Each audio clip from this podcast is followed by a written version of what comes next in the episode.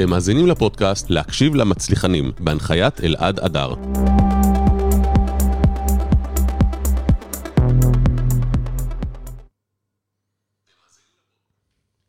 טוב, שלום שלום, מה שלומך אבי? אהלן, נעים מאוד אלעד. אז uh, איתנו היום בשידור אבי בן חמו. חמו או חמו? איך אומרים? חמו, חמו. חמו, חמו, אתה, אתה אומר, תלוי את מי שואלים. בדיוק, בדיוק. אז קודם כל, גילוי נאות, אה, אני ואבי מכירים הרבה מאוד שנים, וזו אחת הסיבות שבחרתי אותו לקחת כאדריכל וכמעצב פנים למשרדים החדשים של סקסס, אבל זה לא אומר שאנחנו נחוס עליו היום בשאלות, כי הרבה אנשים שואלים אותי, אלעד, למה בכלל צריך מעצב? זה כולה משרד, ומאיזה גודל צריך? ואז אחרי זה אני מסביר להם, טוב, כי אתה לקחת 560 מטר, אז בגלל זה אתה צריך, אני משרד קטן. ואז אמרתי, רגע, אם כבר אנחנו יכולים ואתה זמין לי, וגם ככה הגעת היום לפגישה עם הקבלן שלנו, אמרתי לאבי, אבי, בוא, בוא תיכנס, בוא תעשה לנו פה סדר.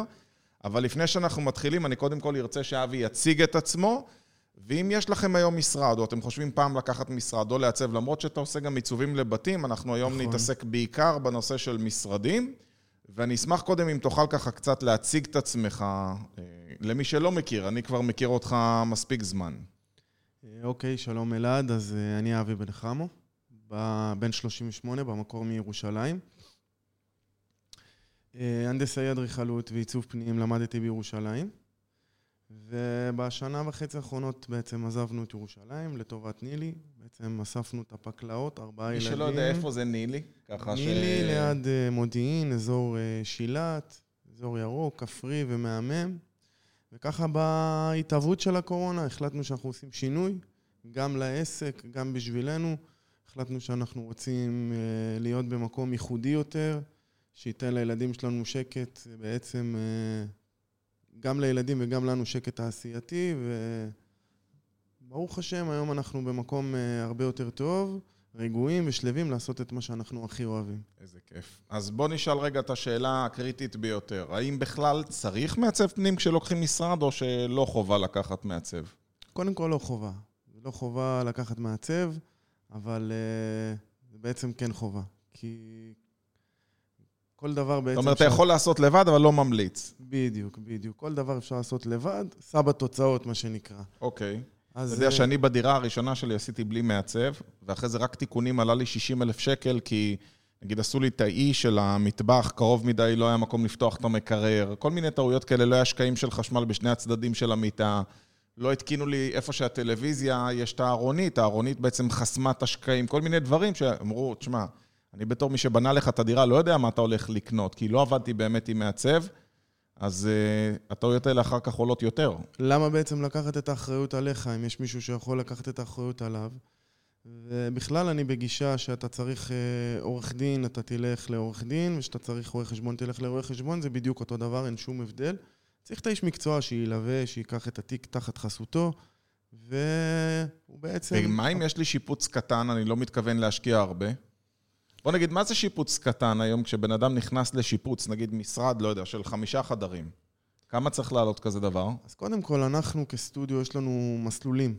אוקיי. זאת אומרת, לקוח יכול להגיע אלינו לפגישת ייעוץ של הסדות בעצמך. הפגישה מאוד קצרה, מאוד דינמית, ומסבירה לו איך הוא בעצם יכול לעשות את זה לבד בתקציב מאוד מאוד נמוך. וזה מגיע עד מצב שאנחנו עושים את כל השיפוץ הכללי, תוכניות, היתרים ברשויות. עד אה, מרמת המקרו ורמת המיקרו, אנחנו נוגעים בכל דבר, כך שיש פתרונות לכל לקוח. זאת אומרת, יש גם אפשרות לבוא רק לפגישת ייעוץ ולא חייבים לקחת את השירות. כן, כן, ואם אתה מרגיש שיש לך עוד איזה צורך בעוד איזה חיזוק, או לאיזה תוכנית מסוימת, אה, אני מכיר הרבה מעצבים שבאים, זורקים מחיר, ולצערי הרב, במקצוע שלנו השוק מאוד מאוד אה, לא מתומחר נכון. יש פערי כספים. תראה, זה יכול להיות מישהי שהיא רק בוגרת איזשהו בית ספר ורוצה להתנסות ויכולה לקחת 20 אלף שקלים, ואז מישהי אחרת מבקשת 200 אלף שקלים כי היא בעלת ניסיון בתחום. נכון, אבל אני מכיר גם אנשים עם ניסיון, שאין ביניהם כביכול הבדלים. אחת לוקחת 70 אלף לפרויקט ואחת 20. איפה ההיגיון עובר? מה הפערים פה? יש באמת איזשהו תמחור בתחום הזה, או שאין אה, דבר כזה? יש מחירון דקל, פחות או יותר יש לנו אתר אדריכלים שנקרא סף, שמעצבים ואדריכלים צעירים אה, בונים את ההוצאות מחיר שלהם שמה, אבל זה מקצוע מאוד פרוץ. היום זה מקצוע מאוד פופולרי, והרבה, בעצם אף אחד כמעט לא עובד היום אה, בלי מעצב. כך שאני חושב שצריך בסוף להכניס את זה לאיזה רוטינה שכן יהיה איזשהו פיקוח על העסק הזה, ובסוף תראה, גם יש אנשים... הרבה דברים שאני יודע שאם לא הייתי לוקח מעציב, לא הייתי יודע לשאול, לא הייתי יודע לבקש, ואחר כך היו עולים לי. אבל בוא אני אשאל את מה שלא ידעתי לשאול לפני. מה צריך לשאול לפני שבוחרים מעצב? כאילו, אתה בתור מעצב, אני יודע שזו שאלה קצת לא פיירית כלפיך, אבל עכשיו אם אני שוקל אה, לעשות, לא משנה, בית או משרד, מה אני צריך לדעת לפני שאני לוקח מעצב? קודם כל צריך לבחור מישהו שיתחבר אליך, שידבר בשפה שלך. יש סוגים של לקוחות שמאוד אוהבים לקחת את uh, כל זכות הבחירה אליהם. זה לקוח שיותר צריך ללוות אותו, והוא יודע מה הוא רוצה. אוקיי. בדרך כלל הוא בטוח שהוא הוא צודק. והמעצב שלו בעצם צריך מאוד לדבר בהלימה אליו, ללכת איתו, לתת לו את החופש בחירה, לתקן אותו איפה שצריך, לכוון אותו, לדייק אותו, אבל אם הוא רואה שהוא באמת יודע, אין מה להתנגח בלקוח כזה. איך יודעים את הגבול, כמה ללכת עם המעצב וכמה לשמור על הסגנון שלי? זה קשה. זה אחד הדברים הקשים ביותר ב... כי אתה יודע, מצד אחד בעסק. רוצים לשחרר למעצב, מצד שני אני אומר, אני הולך לגור פה אחר כך, אני רוצה שזה יהיה בדמותי. נכון, נכון. זה באמת השאלה אולי הכי קשה שאפשר לשאול מעצב. אנחנו המעצבים, יש לנו המון המון המון סימפתיה ליצירות שלנו, והרבה לקוחות שבעצם לוקחים אותנו צעדים אחורה בתכנון, בעצם פוגעים ב... מה, מה אתה עושה אם אתה ה vision נתקל עכשיו... והרצון אה, שלנו בעצם לקדם פרויקט. אז מה קורה אם אתה נתקל עם לקוח, אתה אומר, בואנה, הוא הולך לטעות פה, אני לא אתן לו לוותר על זה, ומצד שני הוא מתעקש. צריך לדעת איפה לתת את הליטוף, ואיפה לתת את הסטירה, וגם מה, יש מקומות שאתה אומר לו. אני מתעקש ואני לא אוותר לך, זה משהו שהוא חשוב. כן. אני, יש למשל אה, מקרים קיצוניים, שהלקוח מתעקש על משהו, ואני אומר לו, תחתום על זה. אתה הולך להצטער. עד כדי כך? כן, בוא תחתום שאתה... אז כמה באמת צריך להיות הלקוח מעורב בתהליך העיצוב? אז כמו שאמרתי מקודם, כל לקוח יש לו את, ה... את הרמת, רמת, אה, נקרא לזה, מעורבות שלו. יש לקוחות שנותנים לך את המפתח, דבר איתי עוד חודשיים, אני באוסטרליה, "תגיד גמור." תגיד לי שזה גמור. אגב, זה גם לא תמיד הכי טוב. אני למשל, בתור מעצב, אני אוהב שהלקוח מתלווה אליי. הלקוח מכניס לי את האנרגיות שלו, גורם לי ללמוד אותו, להבין מי הוא. אני מאוד אוהב לעבוד עם הלקוחות שלי ב... בעצם ביחד. לי זה תורם. יש, לק- יש אדריכלים שמעדיפים שהלקוח שלהם ייסע לחו"ל חודשיים, ישאיר להם את המפתח. שייתן להם את זה בשקט. כן, זה לא המקרה שלי, בסוף אנחנו מעצבים עבור הלקוחות. זה משתנה אם זה משרד או בית? זאת אומרת, ב- ב- לגבי השאלה הזאת? זאת אומרת, אם זה בית, אין בעיה... אה, אה, בוא נגיד, אם זה משרד, אין בעיה לשחרר, ואם זה בית, אז יש בעיה? במשרדים יש המון אה, תקנים שאין בבית. זאת אומרת, יש דברים שצריך לקחת שזה לא לשיקול בכלל. שזה לא לשיקול, שצריך לעבור... תראה, אה, אני נכנסתי פה, קניתי הרי את המשרדים האלה, וזו פעם ראשונה שאני מתעסק בדבר כזה, בקנה מידה כזה. עד לא מזמן שכרתי, אמנם בניין, אבל שכרתי, ופתאום יש איזו קללה כזאת שנקראת כיבוי אש, שהם מחליטים לי, הבנתי שהם הם המחליטים איך הולך להיראות המשרד. פה נכון. צריך מסדרון, לא יעזור לך הם הקטינו כלום. לנו את החדר ישיבות. נכון, החדר. ההרצאות שלנו. לקחו לנו מסדרון, אני עד נכון. היום מקטר לאבי על הדבר הזה, ופה הוא אומר לך, פה יהיה דלת אש, ופה יהיה דלת מילוט. בעצם זה הסיבה שבמשרדים כן הייתי משלב אדריכל שהוא מעצב שהוא גם אדריכל. אדריכל מכיר את התקנים ואת החוקים, לפחות ברמת ההבנה הכללית, וברגע שהוא יקבל את הדרישות, כיבוי או וואטאבר, הוא ידע איך להתמודד איתם, והוא לא יצטרך אה, עוד אה, מישהו חיצוני שיתמוך בו, ויהיה טעויות שאחר כך יצטערו עליהם. חשוב גם מאוד לקחת קבלן עם ניסיון, במקרה שלנו יש לנו קבלן עטור ניסיון, שמתמחה במשרדים, מכיר את המערכות, וחובה לצאת לדרך בעצם עם אנשים שיש להם את הידע הזה. תגיד, בתחום הזה יש שינויים ועדכונים? נגיד קבלן שהוא פעם בנה משרד, הוא מספיק טוב עכשיו לבנות משרד, או שזה דברים שתקנים שמתעדכנים כל הזמן, וכמה אתה בתור אדריכל חייב להיות מעודכן? התקנים כל הזמן מתעדכנים גם בבנייה. אני בעברי באתי מתחום השטח, הייתי מנהל עבודה של 50 יחידות דיור בירושלים בפרויקטים, אז ככה שאני מכיר קצת תקנים ומערכות ואינטגרציות ושילובים ביניהם, התקנים כל הזמן מתעדכנים. חשוב להישאר מעודכן. בסופו של דבר... איך גם- אתה דואג כל הזמן להיות מעודכן? אה, אני רוב היום בעצם חי ונושם את העיצוב, אז כפי כפי שאתה יודע, היום עם ה-AI בעצם אה, תחשוב על מסטיק, תראה כל היום מסטיקים. אז אני חושב כל היום עיצוב, וזה מה שאני רואה, כל היום עיצוב, תכנון, אדריכלות. אני חי את זה, אני, זה רודף אותי בכל מקום. כך שגם אם אני ארצה לברוח מזה לאיזה אתה שבוע... אומר, אין מה לברוח, זה כל הזמן זה ירדוף סביבך. אחריי, בדיוק, ו- ואני אוהב את זה. פשוט אני מודה לאלוהים כל בוקר שאני קם, שזה מה שאני עושה, ונהנה מאוד מאוד מאוד מזה, אז אה, כך שנשאר איזה מעודכן. כיף. האמת. שאני בתור מי שעובד איתך מרגישים את זה, ורואים כמה אתה מחובר לעשייה. אחת השאלות שלא הרבה יודעים, מה ההבדל בין אדריכל למעצב פנים? ומתי אני צריך כל אחד מהם? אז קודם כל, אדריכל אה, לומד, והוא נחשב אה, עם תעודה באוניברסיטה או מכללה. מעצב פנים, אני יודע שיש מכללות, אני לא יודע בדיוק איזה תעודה זה, אבל אדריכל, הוא מקבל רישיון, הוא יכול לחתום על תוכניות רשמיות שעוברות רישוי, אפשר לתבוע אותו באותו מידה על אה, אותו דבר. שמע, אני אחדש לך, לתבוע אפשר כל אחד במדינה. אם זה תופס או לא, זה כבר משהו אחר. נכון, אבל האדריכל בעצם אחראי לבניית הבסיס התכנוני של המקום, זה אומר מחיצות, חשמל, אה, אינסטלציות. מעצב הוא מביא יותר את ה vision הפנימי של הבית או של המשרד, אה, בחירת ריהוט, אה, סוג התאורה שתהיה לנו בחלל. וכל אחד מהם עושה עבודה רחבה, גדולה. אז רגע, אני, אם אה, לקחתי אדריכל, אני לא צריך מעצב, או שאני תמיד צריך את שניהם, או איך זה הולך? זה תלוי. במקרה שלך היית צריך את שניהם, כי אנחנו היינו צריכים להעביר פה תקנים של כיבוי אש, היינו צריכים לתכנן פה מחיצות. יש לנו משהו כמו 20 ומעלה חדרים שהיינו צריכים לתכנן כאן.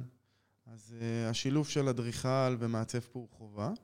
זאת אומרת, זה גם אה, וגם. זה גם וגם, כמובן. יש מעצבים שיודעים לתכנן פנים, יש גם מעצבים שמביאים אדריכלים משלהם ובעצם אה, יוצרים אה, שיתופי פעולה, שת"פים הם אה, אדריכלים.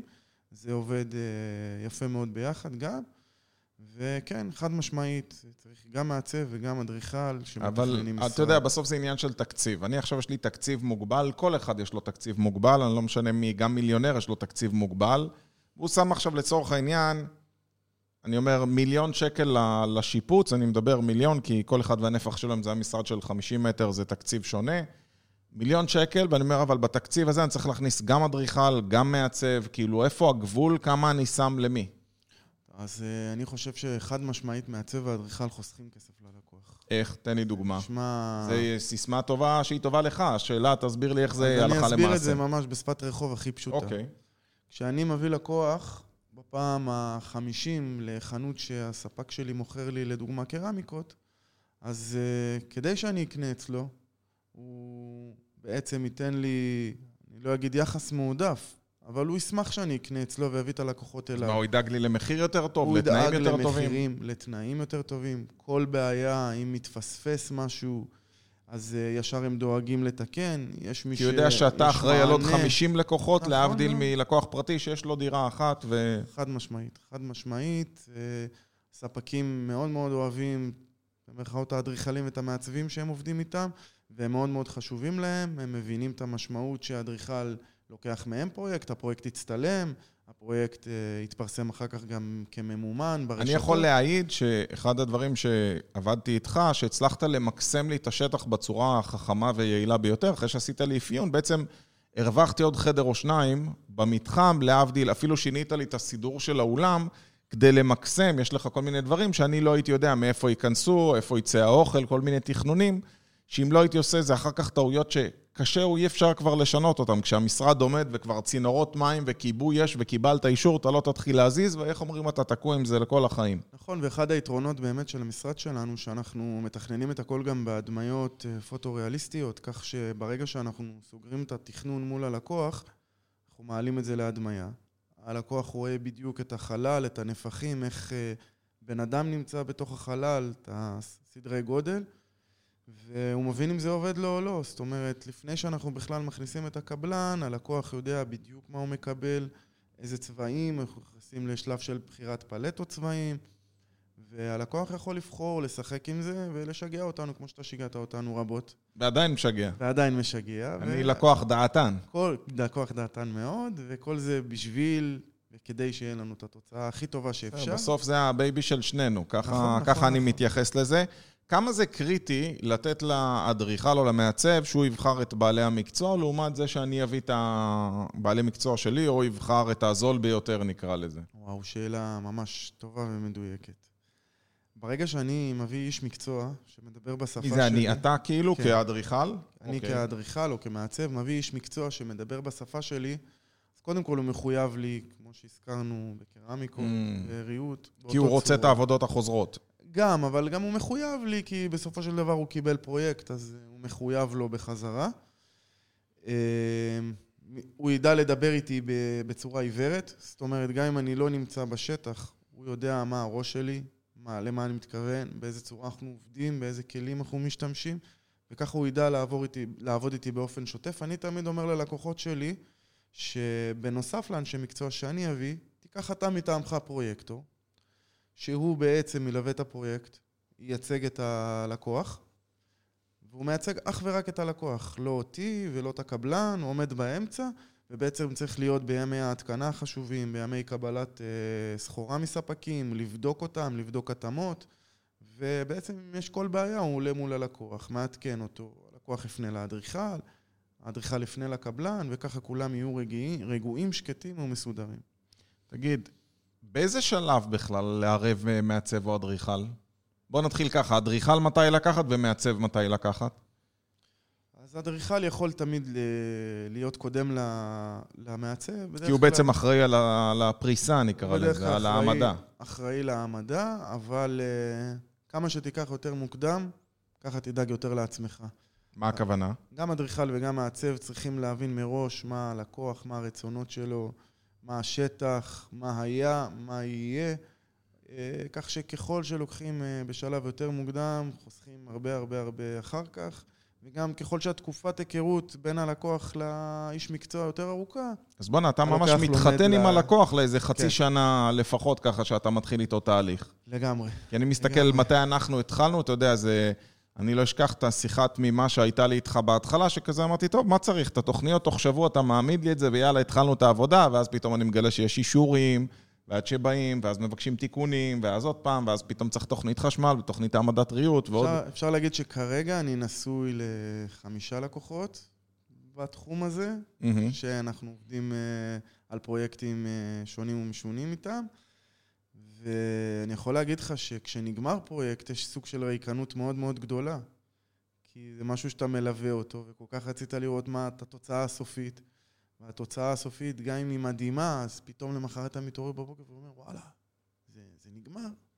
מחר אני לא אדבר איתו, ויש לקוחות שאני כאילו עד היום בקשר איתם. למרות שאין לי, לי כמעט עניין טכני. טוב, זה הופך איתם. להיות כבר חלק מהשגרה, אתה כן, מתרגל. ואתה אולי אומר, אולי נעשה עוד איזה משהו קטן, ו...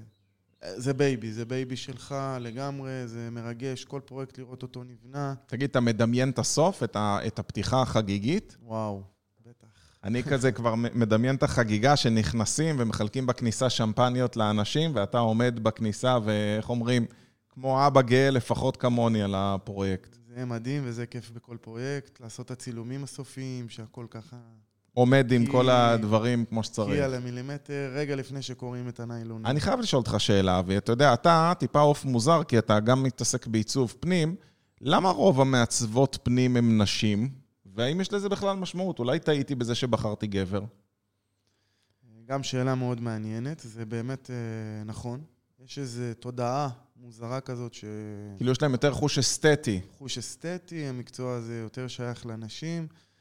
אני יכול להגיד לך שבתחום האדריכלות אני חושב שהוא קצת יותר נוטה לגברים, אבל אני אומר את זה אוקיי. בשקט, שאף אחד לא ישמע אותי, כי יכול להיות שאני טועה, אבל אפשר לראות שיש הרבה יותר אדריכלים ממעצבים. אה, חבל לי. אני יכול להגיד לך, למה? אני יכול להגיד לך שבמשך כמה שנים שהתחלתי את ה- ללמוד אדריכלות, קצת התביישתי להיכנס למקצוע הזה. למה? כי זה מקצוע של נשים כזה? כן, כן, הרגשתי קצת אולי שזה לא בשבילי, אולי אני עושה איזה טעות. איך קיבלו את זה שאתה גבר ולא אישה? אה, לא ראיתי בזה הפרעה, אבל אני שם לב שרוב האוכלוסייה והלקוחות מחפשים נשים. שזה משהו שלא הצלחתי להבין למה. או שפשוט אולי יש לי חוש נשי שאני לא מודע אליו, אבל... אה, אני חושב שתראה, צריך פרקטיות, וצריך חוש אסתטי, וצריך טעם טוב. ואם לבן אדם יש את זה, מה זה משנה אם זה גבר או אישה? נכון, נכון. אני לדוגמה, ב...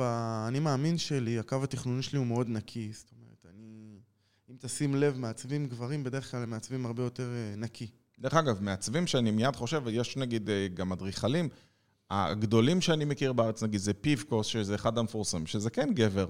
נכון, נכון, אז אה, בוא לא, בוא לא נשאיר את ההכללות, אוקיי, נשים גברים, בדיוק. אבל יש גם מעצבים גברים, והם טובים, אפילו טובים מאוד, וכדאי לעבוד איתם.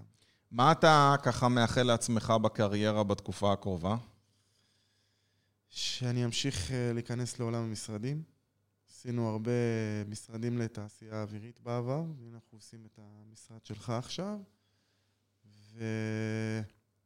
וגם תכנון וילות, שמאוד מעניין אותנו לעשות. אנחנו עושים וילה עכשיו בזנזיבר.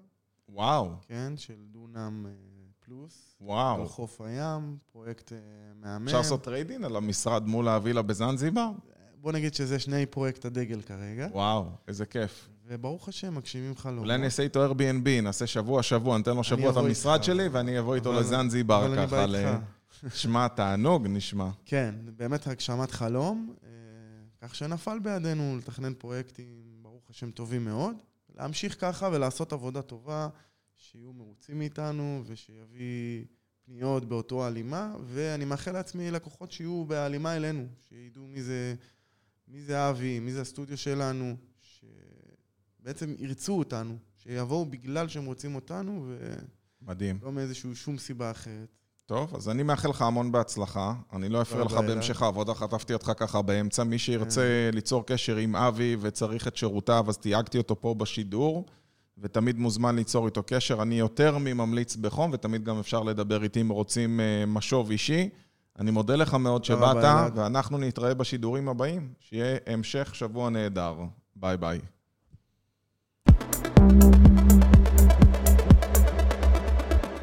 אתם מאזינים לפודקאסט להקשיב למצליחנים, בהנחיית אלעד אדר.